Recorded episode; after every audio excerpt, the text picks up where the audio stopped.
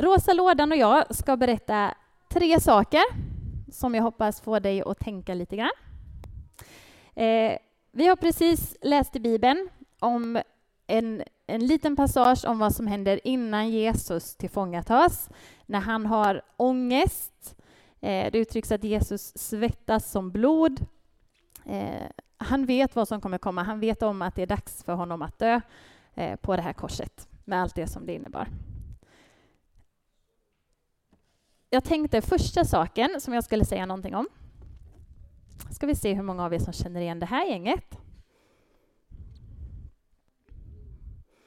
Hur många har hört musik från det här bandet? Kan man få räcka upp sin hand? Nej. Det är de som är gamla, Melker, som har lyssnat på det här. Det här är ett svenskt band som heter ABBA. ABBA var superpoppis. Eh, men om du lyssnade när Kim läste så hörde du också att Jesus sa Abba när han bad. Abba, Fader, ropade han. Abba betyder pappa. Och det är det första som jag vill säga nu. Vi får be till Gud som till en pappa. Bibeln pratar om att Gud vill vara vår far, vår pappa. Det är också problematiskt, för vi har olika erfarenheter av en pappa.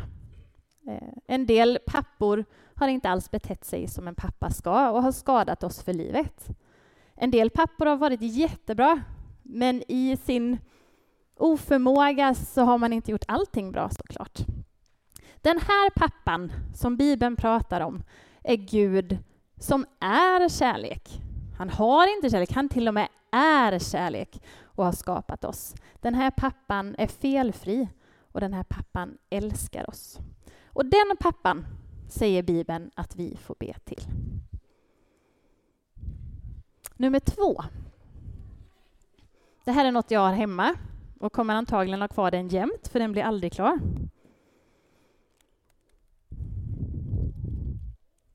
Någon som har löst den här? En trekub, jag kan förstå att det går. Den här försöker vi med ibland. Och så kommer oh kolla nu har vi nästan en sida. Och sen faller det igen. Det går inte att klura ut.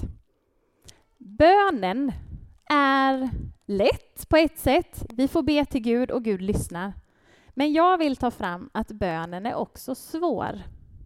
Ibland när vi pratar med barn så säger vi Ja, men be, det är enkelt. Du kan be, det är bara att prata som till en kompis.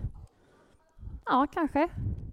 Fast en kompis, när jag pratar med min kompis, då brukar den svara direkt. Den brukar avbryta mig ibland.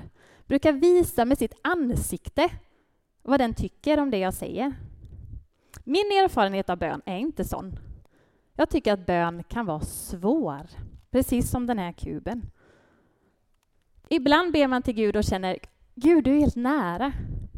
Ibland känner man, var du ens här? Du som är så bra på att lyssna. Någon gång blir människor friska när vi ber för dem. Men många gånger så blir folk inte friska när vi ber. Bönen är svår. Jag önskar att vi skulle nyansera det när vi pratar med våra egna barn, andras barn, kanske med varann. Hur ber vi? Hur tycker du? Hur upplever du? För det är många som har erfarenhet av bönen.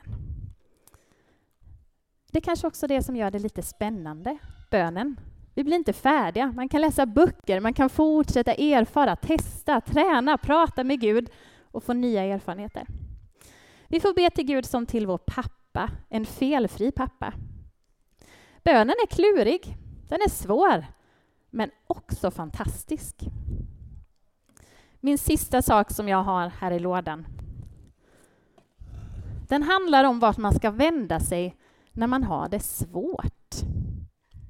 I den här bibelberättelsen vi hörde så hade Jesus det jättesvårt. Jag har en pil här. Kan man tänka, nu har jag det svårt. Det vore ju jättebra om jag går åt det här hållet. För åt det här hållet, ja men då kan jag byta jobb. Då blir nog livet bättre. Eller om jag kunde tjäna mer pengar. Då hade saker varit lättare. Det hållet, det går jag. Men så upptäcker man plötsligt att det finns ju andra håll också att gå. Kanske hade det varit bättre att ta det hållet. Eller tänk om jag bara byter man.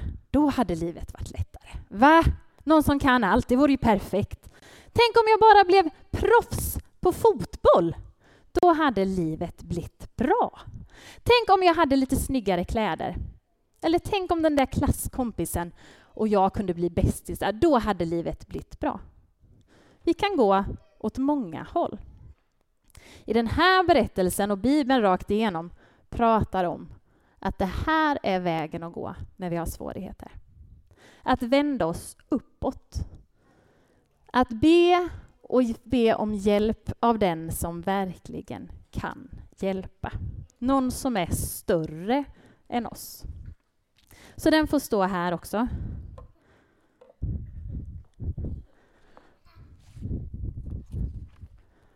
Vi får be till vår pappa i himlen. Men bönen är inte helt lätt att förstå. Och lärjungarna, de somnade när de var, vem var det som sa det, på tidernas viktigaste bönemöte. Så somnade de. Bön är klurigt och låt oss prata med varandra om det och med våra barn och ungdomar och nyansera och locka. Och vägen att vända sig, ja, vi kan testa åt olika håll såklart. Men Bibeln pratar om, vänd dig uppåt, för det är där det verkligen finns hjälp att få. Matilda, du ska ju intervjua två personer nu som har erfarenhet av bön. Så det här var ju lite teori. Och nu ska vi se lite hur några gör. Kan inte du välkomna dem upp? Ja, precis. Jag skulle vilja välkomna fram Olivia och Micke. Så en stor applåd för dem.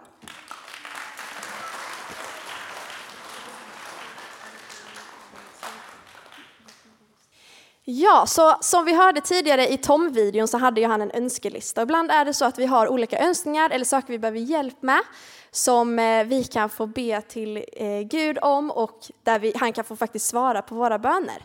Och Olivia, har du varit med om det här? Ja, eh, jag var på ett läger när jag var liten. En del av er har kanske hört mig dela det här förut, men hang in there, jag kommer med något nytt också sen. Eh, men jag var på ett läger när jag var liten, åtta år gammal var jag, eh, där det var några äldre barn som skrämde upp mig ganska rejält. Eh, och nu i efterhand så förstår jag att det var inte sant det de sa. Men jag trodde på dem.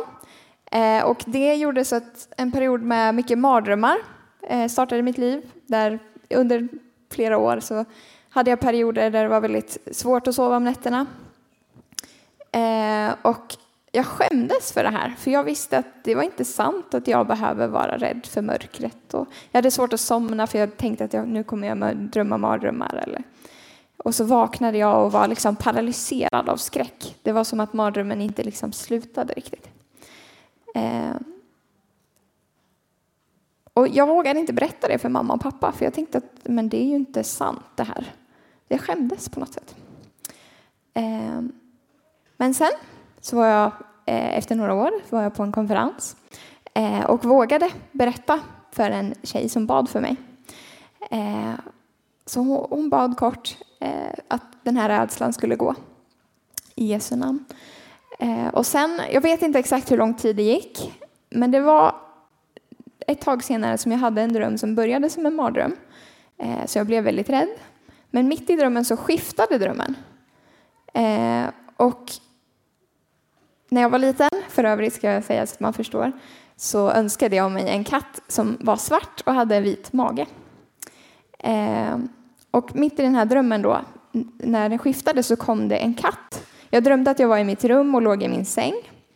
Eh, och det kom en katt som la sig bredvid mig på sängen och sa, jag är, den var svart och hade vit mage. Den sa, jag är här nu, du behöver inte vara rädd mer. Eh, och jag tror att det var Gud som visade för mig att delvis att han har omsorg om mig och att han ser mig, för han visste att jag ville ha just en sån katt. Eh, men också att eh, ja, men han befriade mig från den rädslan i den stunden. Eh, för efter det så hade jag, jag har inte haft mardrömmar på samma sätt eh, det händer ju självklart ibland att jag har mardrömmar, men då vet jag mer hur jag ska hantera det. Eh, och det är inte alls med samma rädsla som är liksom paralyserande på det sättet.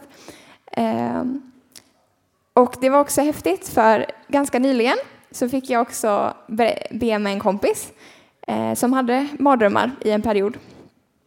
Eh, och hon, ehm, hon hade liksom flera nätter också svårt att sova. Eh, men vi fick be och sen så talade hon också ut Guds ord. Eh, det var faktiskt från Efesierbrevet som vi nu kommer gå igenom eh, under de kommande veckorna. Eh, och hon blev fri från de här drömmarna och rädslan så hon kunde somna på kvällarna. Så bara uppmuntran till dig som lyssnar att bön gör skillnad, eh, men också att dela med sig. För det, gör, det händer någonting när vi kommer överens i bön. Eh, och rädsla är också någonting som ofta vill att vi gömmer det, att vi ska hålla det inne. Men när man tar fram det i ljuset så kan vi bli fria från det. Eh, yes. Härligt. Tack så jättemycket Olivia. Och på samma sätt som vi kan önska till Gud så finns det saker Gud vill göra i den här världen och vi kan få genom bön på något sätt liksom samarbeta med Gud. Sådär. Eh, och Micke, hur kan det här se ut egentligen? Det är olika kanske för alla människor, men hur ser det ut i ditt liv? Nej, men alltså för det första, eh, jag pratade med Kim för några veckor sedan och frågade hur bön är för henne. Och hon sa då till mig att bön kommer inte lätt. Det är inte något som sker liksom bara automatiskt. Jag har samma problem då. Ehm, är det fler här som har samma problem? Att, att bön inte flyter på upp med hand? Det är några stycken, ja. Och ni som inte räckte upp kanske inte vågade. Ehm, jag, jag ser mig själv som en, en post-it-bedjare. Eh, ni vet vad post-it-lappar är för något, de här gula tramsiga som fastnar överallt.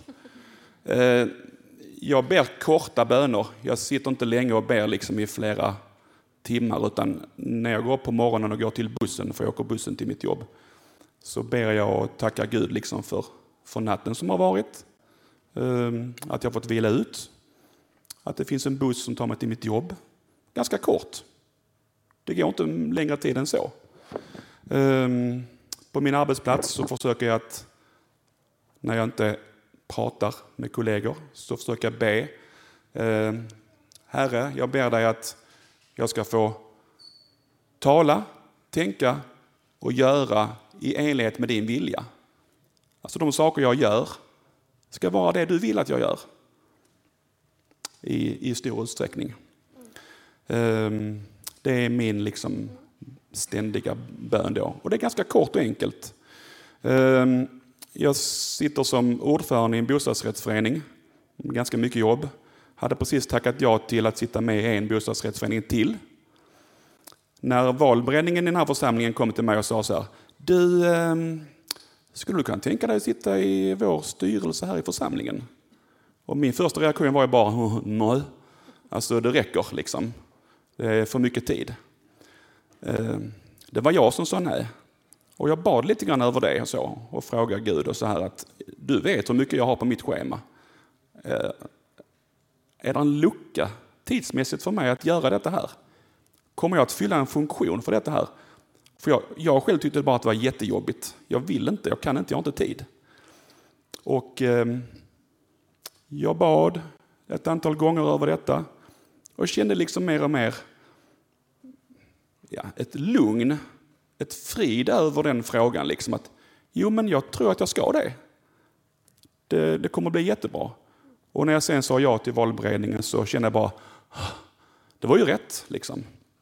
Så att eh, eh, man ska inte alltid liksom, eh, gå på första instinkten utan vänta in Gud. Vad har Gud att säga? Liksom?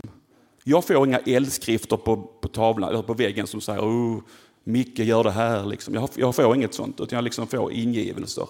Jag får känslor som, som ger mig eh, rätt mm. spår. Spännande. Tack så jättemycket. En eh, stor applåd.